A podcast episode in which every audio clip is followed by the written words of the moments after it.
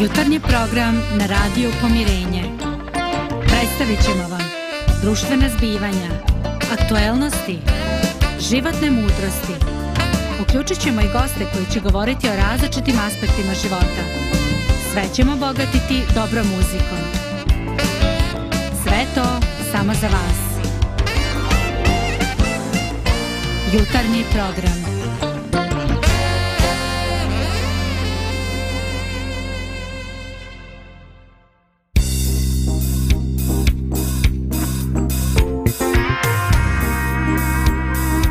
Radio Pomirenje.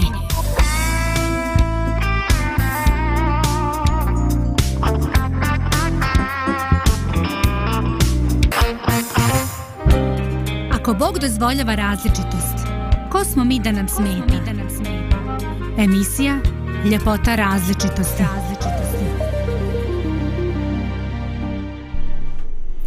Dragi slušalci i gledalci Radio Pomirenja, želim i da vas danas pozdravim i da vam poželim lijep dan. Naravno pozdravljam i Draganu koja je danas u studiju i želim da današnji dan e, prođe lijepo, blagosloveno, da na neki način nahranimo i naša srca i naše umove, da razmišljamo o dobrim temama i da jednostavno osjetimo da je ovo vrijeme koje smo proveli zajedno bilo nešto što vrijedi. Eto, to su ovaj želje, pa sada ostaje da vidimo šta ćemo od toga uspjeti e, zajedno ovaj realizovati. Ovaj Dragana, ovaj ti si raspoložena za ovaj podvig, je tako? Naravno. Naravno. Ovaj e, super da je tako. Ovaj u naslovu teme e, napisao sam e, sevap ili bo, e, dijelo, dobro dijelo koje je po Božjoj volji. Ja zaista spadam u, u današnjim kriterijima u stariju generaciju i sjećam se vremena kad je ta riječ doživljavana kao nešto domaće. Dakle, kogod je želio da sazna, veoma brzo je uh, dobio informaciju da je to riječ koja je kod nas došla ovaj uh, preko turskog jezika, a njen korijen je naravno u arapskom. I on označava nešto što je ovako dobro, plemenito, što je Bogu ugodno i što ovaj jednostavno je poželjno da u životu učimo. I još kao malo dijete e, sam bio u nekim situacijama i objašnjenje zašto se nešto radi bio je jednostavno taj izraz e, sevapje. Ja nisam u tome uh, vidio nešto što bi bilo ovaj e, specifično i što bi ono označavalo vrijednost jedne e, religije ili tako. Jednostavno to je bila riječ koja je bila ovaj u upotrebi. E sada kad smo čuli to pitam se šta čovjek danas kakve asocijacije ili koji su sinonimi i kakve su asocijacije na tu riječ. Ovaj, Dragana, ti si odrasla kako robiješ u travniku. Da, tako? da. Pretpostavljam da, i, da se kao dijeta već susrela sa tom riječi. Koje su tvoje asocijacije, možda na događaje, značajne, ono, nisam stigao da s tobom pričam prije emisije. Ali nadam se da imaš imaš nešto što je bila tvoja reakcija sada ili kad si ovaj pročitala silabus plan za emisiju? Se mene tiče, sevap je bilo uh, u mom djetinstvu, znači uobičajena riječ, ali ne samo to, nego nešto što označavalo kao svakidašnje ponašanje, način života, ne, ne znam, nešto u tom smislu. Nešto najnormalnije, kao čovjek kad se ujutru umije ili počešlja ili tako, znači um, dakle, kad sam ja prvi put da. pitala znači šta znači sevap, roditelji su mi objasnili da je to nešto lijepo, da je to dobro dijelo i da je to nešto što treba raditi, znači ali nije to samo vraćanje u, u djetinstvo i kad danas čujem riječ sevap, nego vraćanje u dane kad sam manje razmišljala možda o negativnim nekim stvarima, kad se nisam toliko suočavala sa zlom i onda mi je e, čitav svijet izgledao i ljepše. Ne mogu reći da je tad bilo više e, sevapa nego danas možda možda ima neke razlike ali ja drugačije ovaj vidim sad svijet ali svejedno sevap je za mene nešto što bi svi ljudi trebali da žive Da. Interesantno je u ovim tvojim riječima, to je odmah na početku, evo jedna novina za ovaj, e, ili doprinos našem razgovoru danas. E, dakle, e, baš bi izdvojio to što ti kažeš, ovaj, to je bilo nešto obično normalno. Znači, nije, nije se u tome vidjelo neki naročiti ovaj herojski podvig, neko odstupanje, neki iskorak napred u superego i tako. Dakle, nešto što bi trebalo biti sastavni dio našega našega života, nešto što se jednostavno očekivalo kao normalno i pristojno. Ovaj e, drago mi je, baš mi je drago što si to rekla, jer upravo to nas dovodi do neke ovaj suštine. Da li je nešto kao oblik ponašanja rezervisano za ljude s posebnim interesima, posebnim usmjerenjem, posebnim možda produhovljenim ambicijama ili je to nešto što je jednostavno tako poželjno ljudsko, nešto što je začin svakodnevni začin naših ovaj, života. Postavio sam pitanje i u vezi asocijacija i slika. Ovaj, da, ja sam se još kao dijete eh, registrovao jednu sliku eh, u mnogim gradovima ili šta znam kad bi u situaciju da prođem kroz park u toj urbanoj sredini eh, iako sam dijete rođeno na selu no, i odlazili smo jeli tako radi škole radi ovog ili onoga ovaj, eh, ubrzo mi je uh, jedna slika onako zapela za oko a to je ovaj stari ljudi penzioneri uh, koji su eto bili dovoljno pokreti da došetaju sa svojim štapićem do parka i oni bi namjenski u džepu u nekoj torbici donijeli neke mrvice hljeba i ovaj i hranili golubove. I meni je ta slika vazda bila onako inspirativna ovaj, šta te ljude motiviše. Neko bi lakonski rekao kako šta ih motiviše, motiviše i da nahrane golubove. Ali vidim da su oni imali neko ovaj imali su neko zadovoljstvo u tome.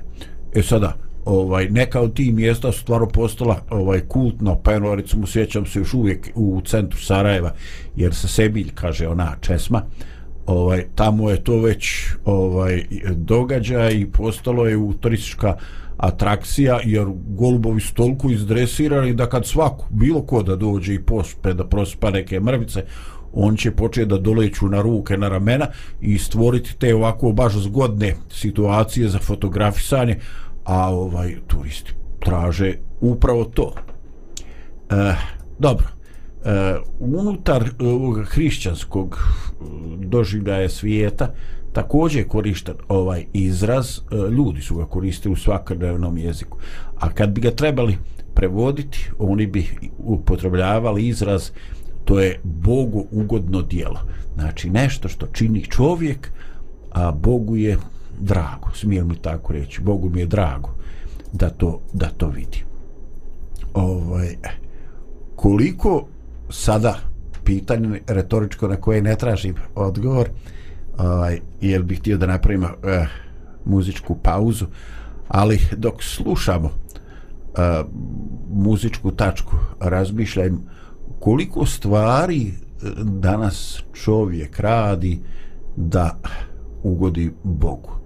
I imamo mi li mi danas nekog sevapa u našem životu. Eto toliko, pa se čujemo nakon pauze.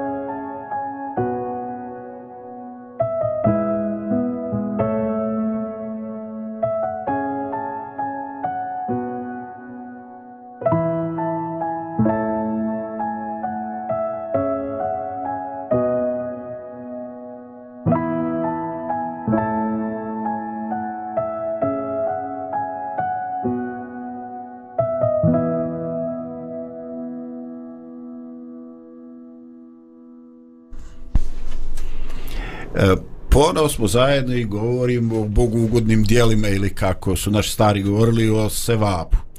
E, interesantno je da mi moramo biti svjesni različitih društvenih koncepcija. E, dakle, e, u Evropi uvijek je postojala uvijek. E, dakle, e, postoji podjelan onaj e, sekularni svijet i onaj e, vjerski duhovni. E, i uvijek se je trudilo da oba ta aspekta na neki način budu zadovoljeni da koegzistiraju jedan sa drugim. Sa s druge strane, e, islamski svijet, ako sam ja dobro razumio, ovaj, nema tu ovaj, e, podjelu. Dakle, islamska zemlja, e, jednostavno ovaj, tu postoje zakoni koji su integrisali. Dakle, nema odvojenosti toga sekularnog i vjerskog i tu je e, propisano i definisane su ovaj neke stvari. Ovaj dok u Evropi je to da kažem tako komplikovanije. E, dakle u mi imamo e, organizacije kojima je dobrota ili briga za ljude na neki način e, posao. I tu su crveni krst ili križ, tu su crveni e, ovaj polumjesec, mjesec tu su i druge dobrotvorne organizacije koje imaju a, na neki način religioznu ovaj ili ili e, pozadinu i šta znam mi spremno nabrojimo Caritas Merhamet Kolo srpskih sestara Adru i tako i govorimo ovaj o više ili manje o djelovanju ovih e, organizacija.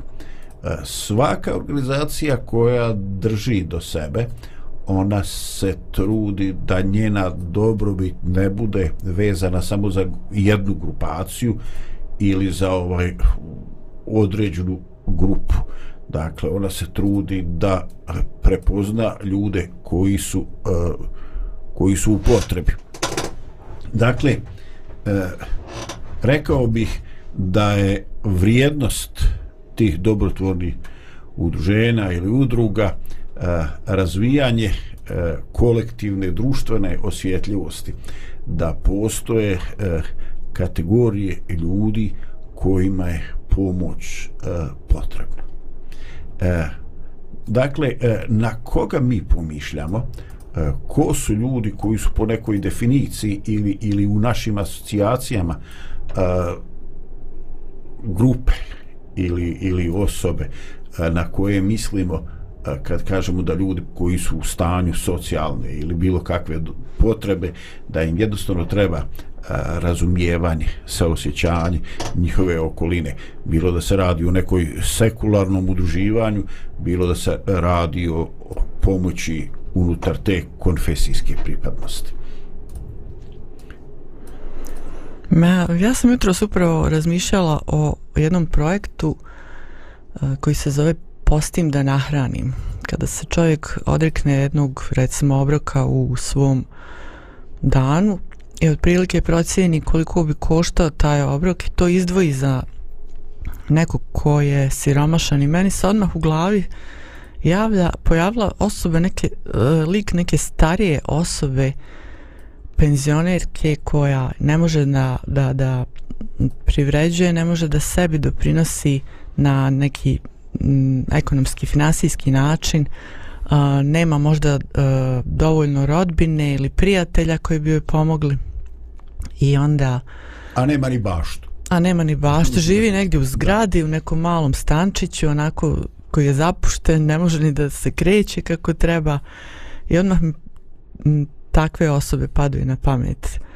I recimo kad su, kad su neki veći da kažem projekti u pitanju ovaj što ne bi trebalo da budu baš projekti nego kažem način života.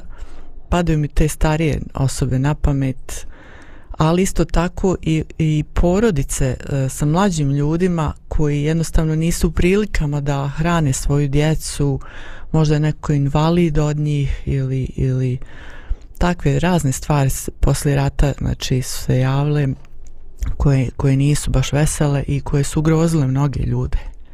Da, ovaj, e, pa vidiš e, gotovo, gotovo da se ono copy paste prepisala slike koje sam ja imao u glavi.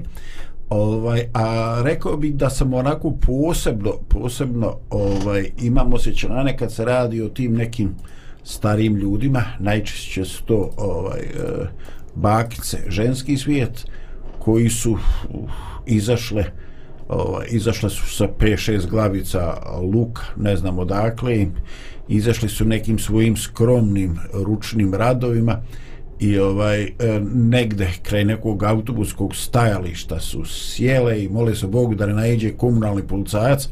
I sad one nešto hoće da ponude ovaj nadaju se da će to nekome trebati da će to neko ovaj e, da će to neko biti spreman e, uzeti platiti ovaj i mogu reći da sam više puta uh, sam uh, na društvenim mrežama eh, našao jedan jednu ilustraciju te situacije.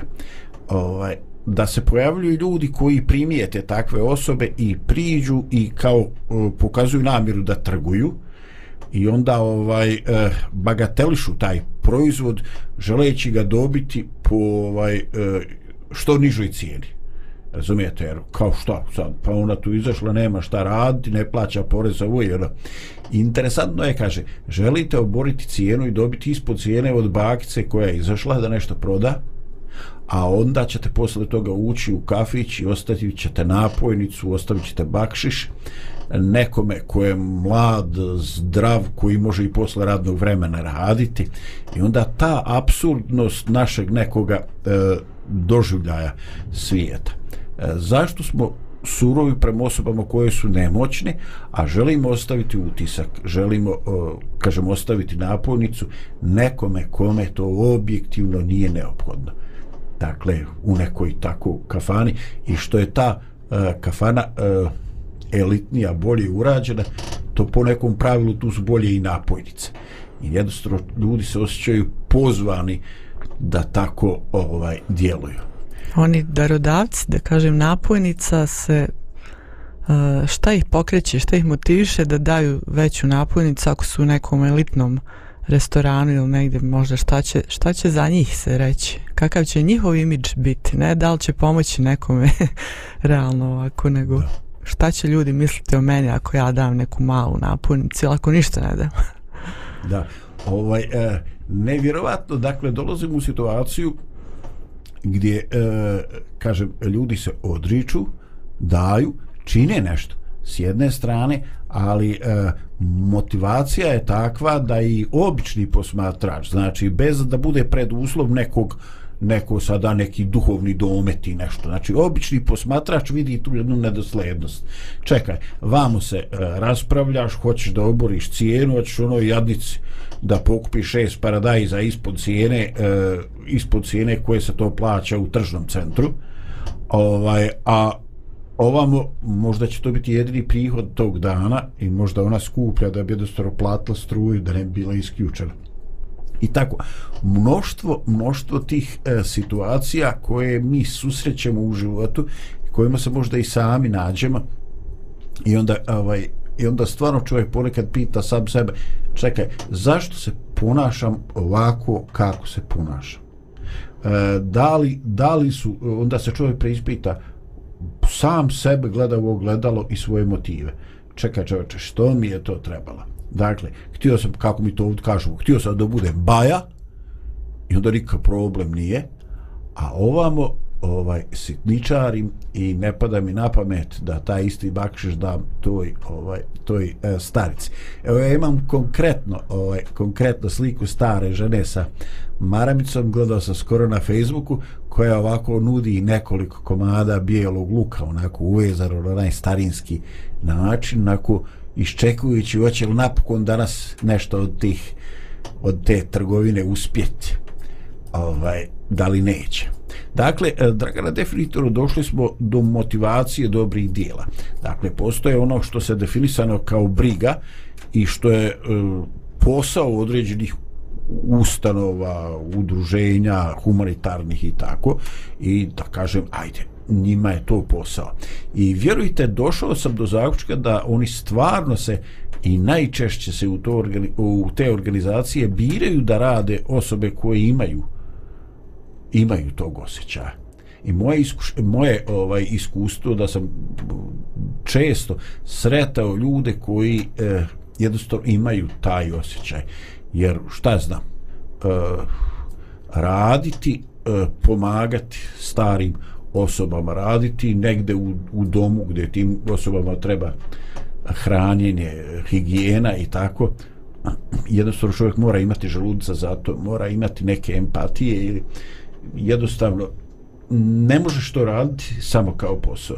Znači mora u tome čovjek vidjeti nešto i ole viši cilj da bi to mogao raditi na način koji nije mučenje i njega i onome koga daje u uslugu. Ili da ne bude e, ponižavanje onoga kome bi trebao poslužiti. Ove, ok, došli smo do jedne e, do jedne sad situacije ti upravo spominješ motivaciju može li dobrota kao oblik ponašanja e, može li to dijelo biti na neki način investicija može li to nešto biti što se ovaj e, što se U kom smislu? Pozitivna investicija ili negativna? Pa, eto, nisam mislio da, nisam mislio da unapred definišem, htio sam da to sad izronim. Da, ja sam, ja sam imao, ova, ajde sad bit ću otvoren, da se ne igramo mačke i miša, ovaj, i ja sam imao primjere gde se određeni trgovački lanci, dakle, za određene kategorije, dakle, vikend, eh, šta znam, 10% popusta za penzionere. Onda jedna robna, o, jedna veliki trgovački centar u Banja Luci, vidio sam reklamu da su on određeno vrijeme, baš nisam zapamtio detalje, e, program dječje hrane e, neće biti e, uračunata marža. Znači, bukvalno neće. Na programu dječje hrane neće imati ovaj to preduzeće ovaj zaradu. I ja sam sigurno da ljudi koji imaju malu djecu koju moraju to vještačkom hranom dohranjivati ili hraniti ovaj da će oni otići provjeriti cijene. I ovaj bez ulaženja u neku motivaciju ovaj eh, meni se to dopada. Meni se to dopada. I, ovaj eh, eh iskreno rečeno ja mislim da taj eh, trgovačka kuća neće na kraju imati saldo koji je negativan. Jer ljudi koji dođu da kupe tu dječju hranu oni kupit će još nešto.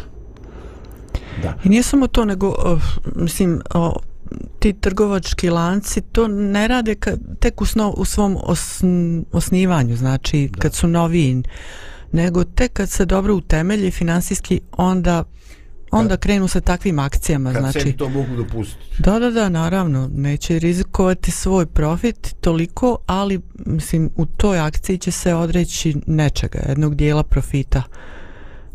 A, I to je dobro što, što rade za dobrobit drugih. To se i meni sviđa. Znači, bez obzira da li da. u kakvom su oni stanju, da. nego jednostavno ti pomažeš time nekome. Da. Et, I opet, ovaj, e, tu je bila ona nedumica kad sam spremao ovu emisiju, ovaj, jednostavno uh, shvatio sam da mi imamo problem što mi ne možemo da razdvojimo taj uh, sekularni svijet i ne možemo da razdvojimo to što je E, religiozna po, ovaj po religiozni poriv i nešto što bi trebalo biti religiozna ispravna motivacija. Mi to često umrvimo zajedno, stavimo i onda dolazimo do zakuška koji nisu realne. Dakle, kad to gledaš kao dio sekularnog svijeta, onda je to sasvim u redu, to je poželjno. Jer svaka takva reklama na neki način kod svih drugih ljudi podiže svijest da takvi ljudi u potrebi postoje i postoji e, jednostavno kaže se a da li se tu nešto može ovaj učiniti na ličnom nivou? Da li ja u projektu ovaj post da nahranim e, mogu se odreći jednog sedmično jednog ovaj e, obroka ili ili mjesečno ali e, sigurno mogu. Jednostavno čovjek poželi da i on kao pojedinac učini nešto. A ovaj a vjeruj e, Dragana kad čovjek razmišlja puno pojedinaca čini ovaj, ogromnu masu i o, ogromni potencijal i koliko god ta pojedinačna doprinost možda djeluje beznačajno u odnosu na akcije tih nekih tržnih centara, to stvarno može da preraste u nešto što je ogromno, što je predivno i što može riješiti potrebe nekih. Evo recimo klasični prijedlog, ovaj, to su te e, javne kuhine koji nemaju neki možda stabilan budžet, ali jednostavno biva im ustupljena ili hrana koja je pred istek roka ili nešto jednostavno što e, ne ide. Uglavnom one opstoju i ogroman broj ljudi do, dobije svoj možda jedini topli dnevni obrok na takvim mjestima. Žalošno je što to njima treba ali kad im već treba dobro je da postoje takve ustanove. I da mi ne kritikujemo one koji daju od svog viška, nego jednostavno da se prvo fokusiramo na ono što je dobro u tom svemu. bravo, bravo. Ovaj, da, dakle, upravo sam to htio reći. Nemojmo vrhunske religiozne ideje odmah stavljati u taj sekularni svijet. Ti trgovački lanci koji to rade čine dobru stvar od koji ljudi imaju koristi. Gotovo, kapa, kami, nema više. A sad ti ako još neke veće motive, ono, aj brate da i primjenimo na privatnoj razini. Eto, toliko raspričali smo se, hoću reći ja, Dragana, sam se raspričao. Idemo opet na kratku pauzu.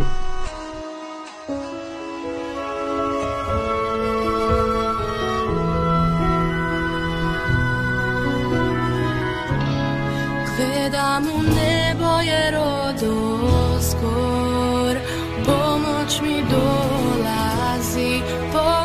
pomoć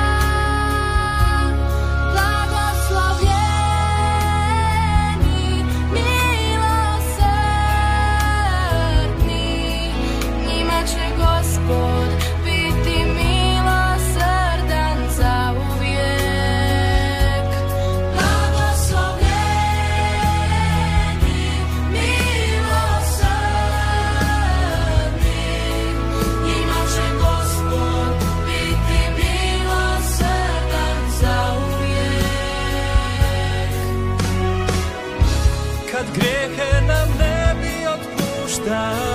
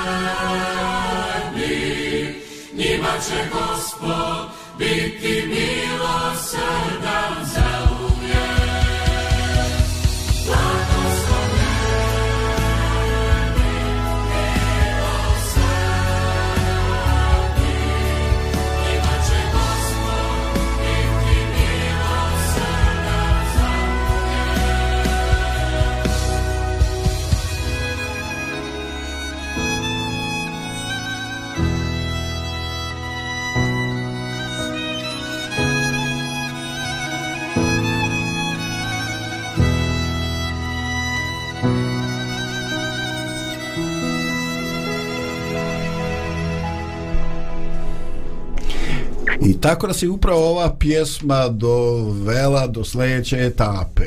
Dakle, nemojmo smiješati e, ovaj, e, sekularni svijet, pravila tržišta i sve ostalo, reklame i sve ostalo sa vjerskim motivima, sa onim što i želimo da dosegnemo, da dođemo na neki nivo. No, podržali smo svaku dobru akciju koja ima dobre rezultate, koja ima dobre rodove. Predivno je kad određena roba, određeni prehrambeni artikli ne propadnu, nego jednostavno odu do ljudi kojima su ovaj potrebni. No, ovo je hrišćanski radio i mi naravno želimo da a, govorimo i onome što je trebalo bi makar biti viši nivo posmatranja života svijeta. Eto, Dakle, e, dobra dijela u sekularnom svijetu mogu biti dobra investicija, ali e, to postaje jako problematično kad to spominjemo u nekom e, religioznom kontekstu. E, u svetom evanđelju po Mateju ovaj, e, Isus je ostavio riječi koje su ovako baš pomalo uznemiravajuće.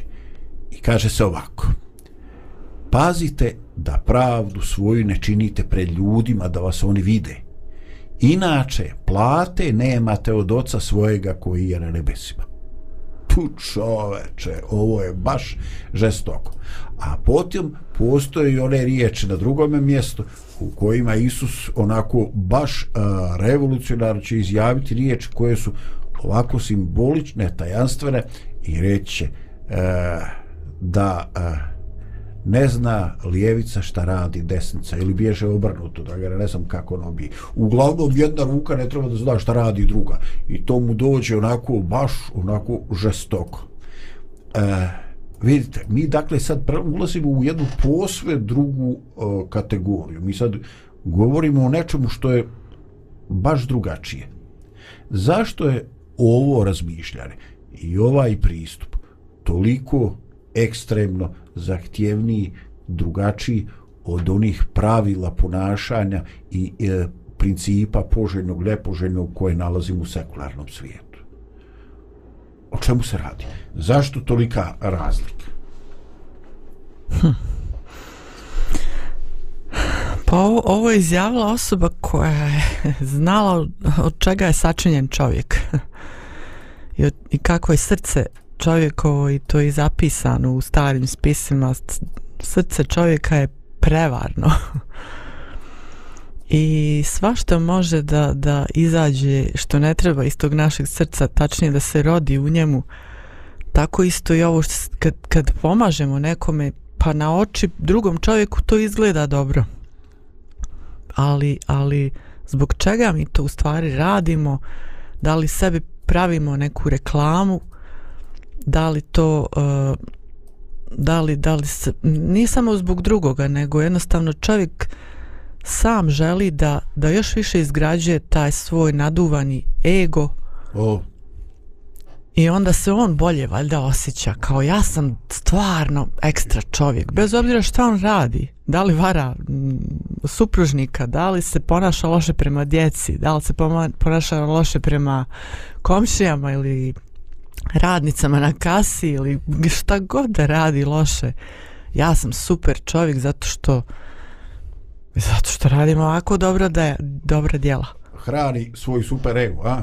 E, to je, ne hrani drugog, nego sebe, so, upravo super što rekao, znači, ono, ono hrani svoj super ego. Da, ono, vidla žaba da se konji potkivaju, pa kaže, ono, i ona digla no. Ali fazon je upravo što sebi on ne čini dobro djelo, zato što, što truje sebe time zapravo ovaj da nevjerovatno ti sto onako bez puno okolišanja ono jednostavno ti kažeš on sebe ovaj truje. E, ovde ovde dakle pričamo u religioznom kontekstu. I ovde imamo uh, ono što čini uh, čovjek koji je svjestan neke božje realnosti i nekoga svijeta koji izlazi izvan okvira uh, marketinga trenutne ili neke dobiti druge ovaj i jednostavno e, ovde e, bogom dani svijeti kao što Isus kaže na jednom mjestu. A sirotinu ćete uvijek imati. Do kraja zemaljske istorije će sirotina biti tu da bi se pokazale misli srca našega da jednostavno e, da bi se čovjek testirao sam sebe. Ovaj jer niko od nas nije u situaciji da nešto u smislu promijeni da pomogne svima ali svi možemo učiniti neki minimum bar za nekoga.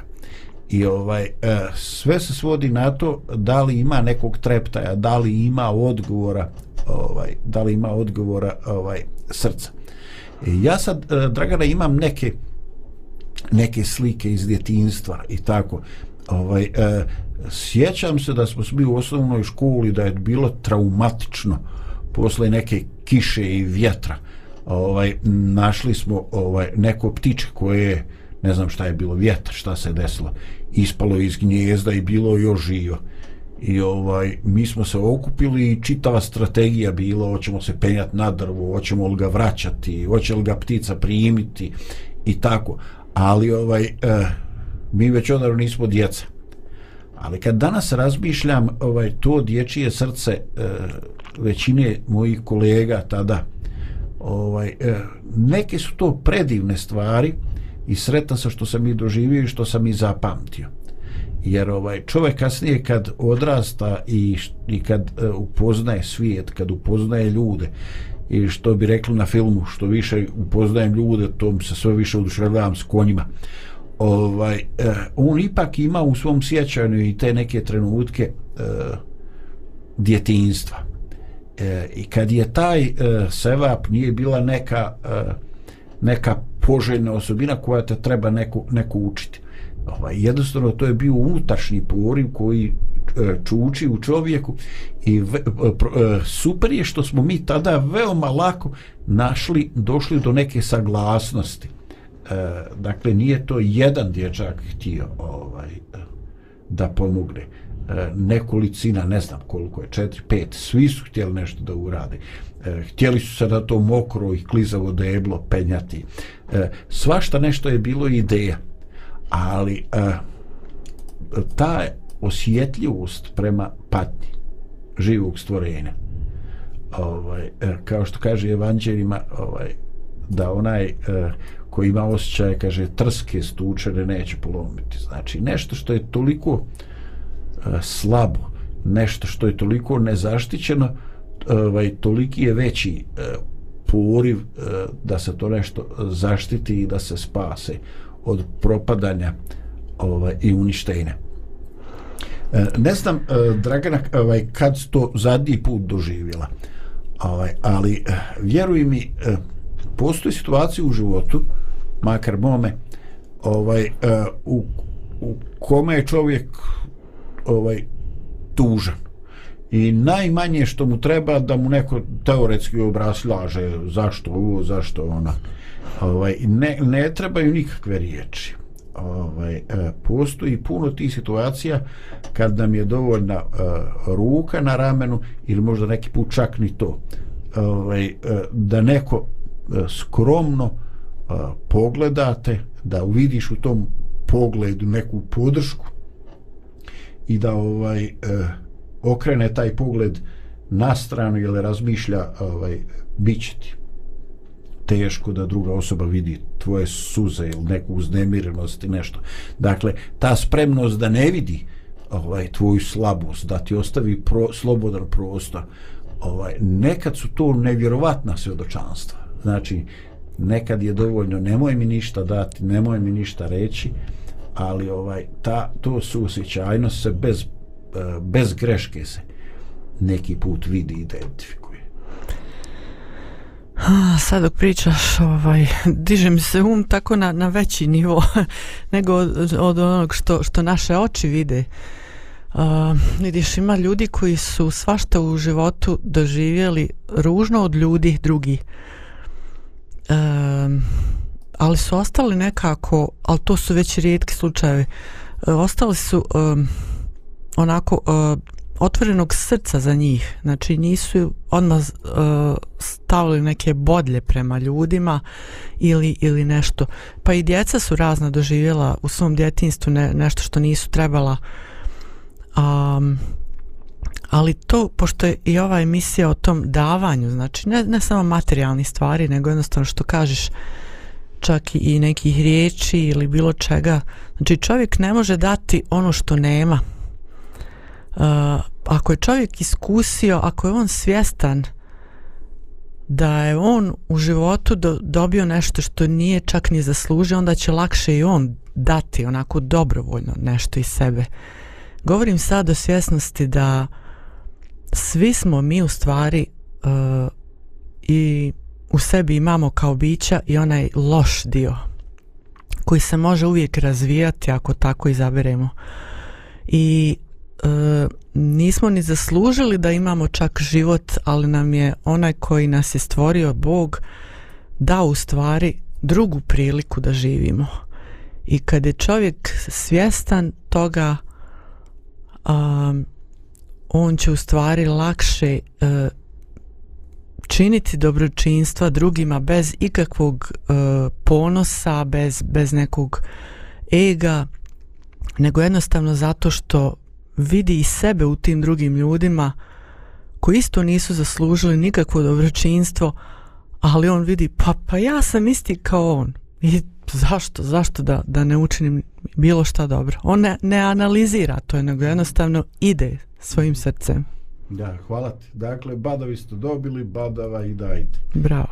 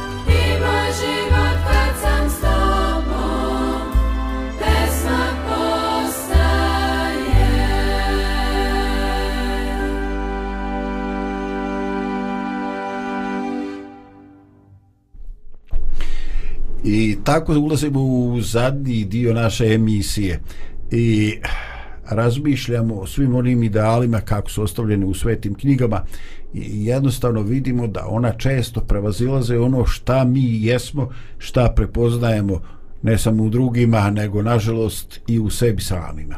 Mi bismo željeli, mi bismo ovaj, imamo potrebu da vidimo sebe u pozitivnom svijetu, da tu sliku samome sebi e, čuvamo i da je ne kvarimo. Ali, nije uvijek tako i nije to moguće. E, e, Dragan, razmišljam, istinski dobri ljudi, a sigurno si neko od njih srela, šta je tvoj utisak? Da li su oni svjesni da su oni u stvari jako dobri i posebni ljudi? Koliko su stvarno plemente duše svjesne toga. Pa dobro je da je čovjek svjestan svojih dobrih osobina zato što mu to pomaže da ne pada u neki, što mi kažemo, crnjak, da ne budu depresivni, da, da ne pomisle jo ja ništa ne vrijedim, nego da čovjek bude svjestan svojih vrijednosti i onog što stvarno ima da mu to bude o, nešto hrabrujuće i nešto što će ga potaknuti da ide naprijed. Isto kao što je dobro da budemo svjesni i loših osobina, ali ni, jednom, ni u drugom slučaju ne velja ići u krajnosti, jer jednostavno u oba slučaja čovjek pada. Um, dobri ljudi m, zavisi o čemu razmišljaju. Oni, oni su svjesni šta rade, ali ne prave od toga ni u svojoj glavi nešto spektakularno, nešto vještački. Nego gledaju, eto to, ja sam takav i to je to, šta ću? Šta ima od toga? Još kad im dođu, kad čuju novinari šta su oni učinili, pa im dođu tamo nekoj baki ili ded, možete nam reći, pa nisam ja ništa. On kaže možda jednu ili dvije rečence i to je to što se tiče njega intervju. Onda onda novinar to mora nategnuti sada pričat neku srce parajuću priču dodat neke pikantne detalje ono ovaj evo džed pravi dobre stvari ali ne zna od toga napraviti novinski članak i zato on to moraju doraditi da e, meni je interesantna ta tvoja ovaj e, izjava jer mi je neočekivana da budem iskren ti govoriš pa dobro je da čovjek prepoznaje neke svoje dobre stvari jel prepoznavajući e, loše u iskušenju je da upudne u neku depresiju. Ovako mu to dođe utješno, aj falim te Bože da makar nešto ima dobro. Ovaj, ej, super, to mi je neočekivani, neočekivani odgovor. No idemo korak dalje. Ovaj, realni život. Ovaj, e, mi bi htjeli da je ono što se prinosi u životu, aj što kažu žrtva Bogu, ovaj, e, ako ostaviš dar na oltaru, ovaj da to bude dar bez mane mrštine da ne bude ono ja kad sam ovaj ja kad sam ostavio 10 eura gledao komšija koliko sam ja ostavio. I onda ti znaš a joj ovaj glavu ni jedan pobolje bilo da nisi ostavio. Štim se ti baviš jel nisi mogu ponizno ovaj priložiti za neku humanitarnu akciju nešto u, u svojoj bogomolji gdje god da ideš i tako. Jer se i u tome moraš baviti ko te vidio i ko se oduševio i ko je zavidan. Ovaj, no dakle mi u situaciji ipak e, čak kad nam niko ništa ne kaže niko nam ništa nas ne prekori ovaj, dolazimo u situaciju da prepoznamo da naša žrtva nije savršena dakle da je ona ima elemente e, koji nas ne čini sretnim. Znači da nije sve čistoga srca. I onda za kraj a šta uraditi kad u jednostavno vidiš da tvoje pobude su donekle inficirane? Ovaj da nisi ništa loše mislio nikakvu lošu pobudu ali kad gledaš sve u svijetlu evanđelja onoga kako to Hrist predstavlja oma čovače daleko je to od toga. Dakle praktično pitanje e, tvoje iskustvo ili šta učiniti kad ipak prepoznaš da to nije ili nije u punini ovaj to to?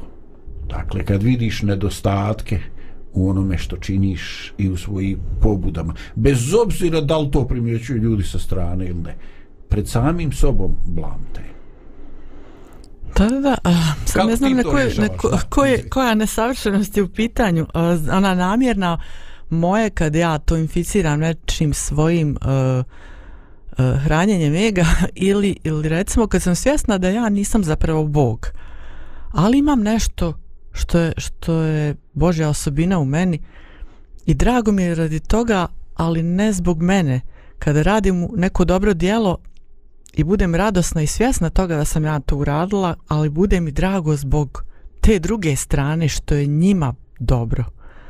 Znači, biti e, radostan zbog svog dobrog djela nije loše ako si radostan zbog te druge strane, što je drugima dobro kroz tvoje djelo. Ne zato što si ti nešto učinio, nego jednostavno uživaš u, u tuđem dobru. olakšalo nešto vidiš negde malo sunce Ali isto si Izašlo svjestan da si samo čovjek, da nisi neko bog koji će promijeniti čitav svijet, pa ni bog ne može promijeniti svijet zato što mi tako odlučujemo. Neći, neki odlu, odluče da se ne promijene. Da. Vid, ja se spremao sad za neku onako završnu, neku udarnu riječ, onako, ali ovaj, činim se da nema potrebe. Da je to što si ti rekla ovaj, sasvim, sasvim dovoljno. Ovaj, eto, na kraju poslušajmo još jednu muzičku tačku i onda ćemo pročitati nekoliko nekoliko stihova iz Evanđelja.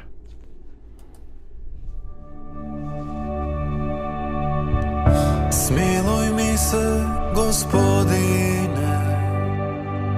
po milosrđu svome Smiluj se, oprosti mi Sve bezakonje moje. Kriste Bože, smiluj se Ja zgriješih tebi samo. Učinih zlo pred tobom. Grijeh je moj svakda sa mnom.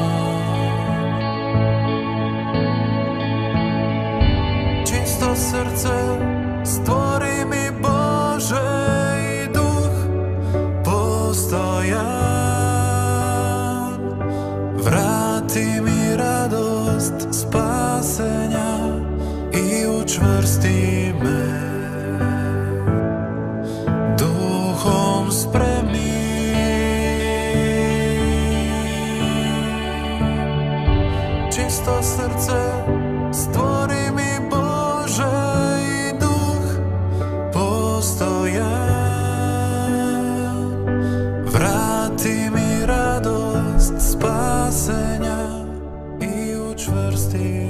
Pazite da pravdu svoju ne činite pred ljudima da vas oni vide. Inače, plate nemate od oca svog koji je na nebesima. Kad dakle daješ milostinju, ne trubi pred sobom kao što čine licemjeri po zbornicama i po ulicama, da ih ljudi vide. Zaista vam kažem, primili su platu svoju.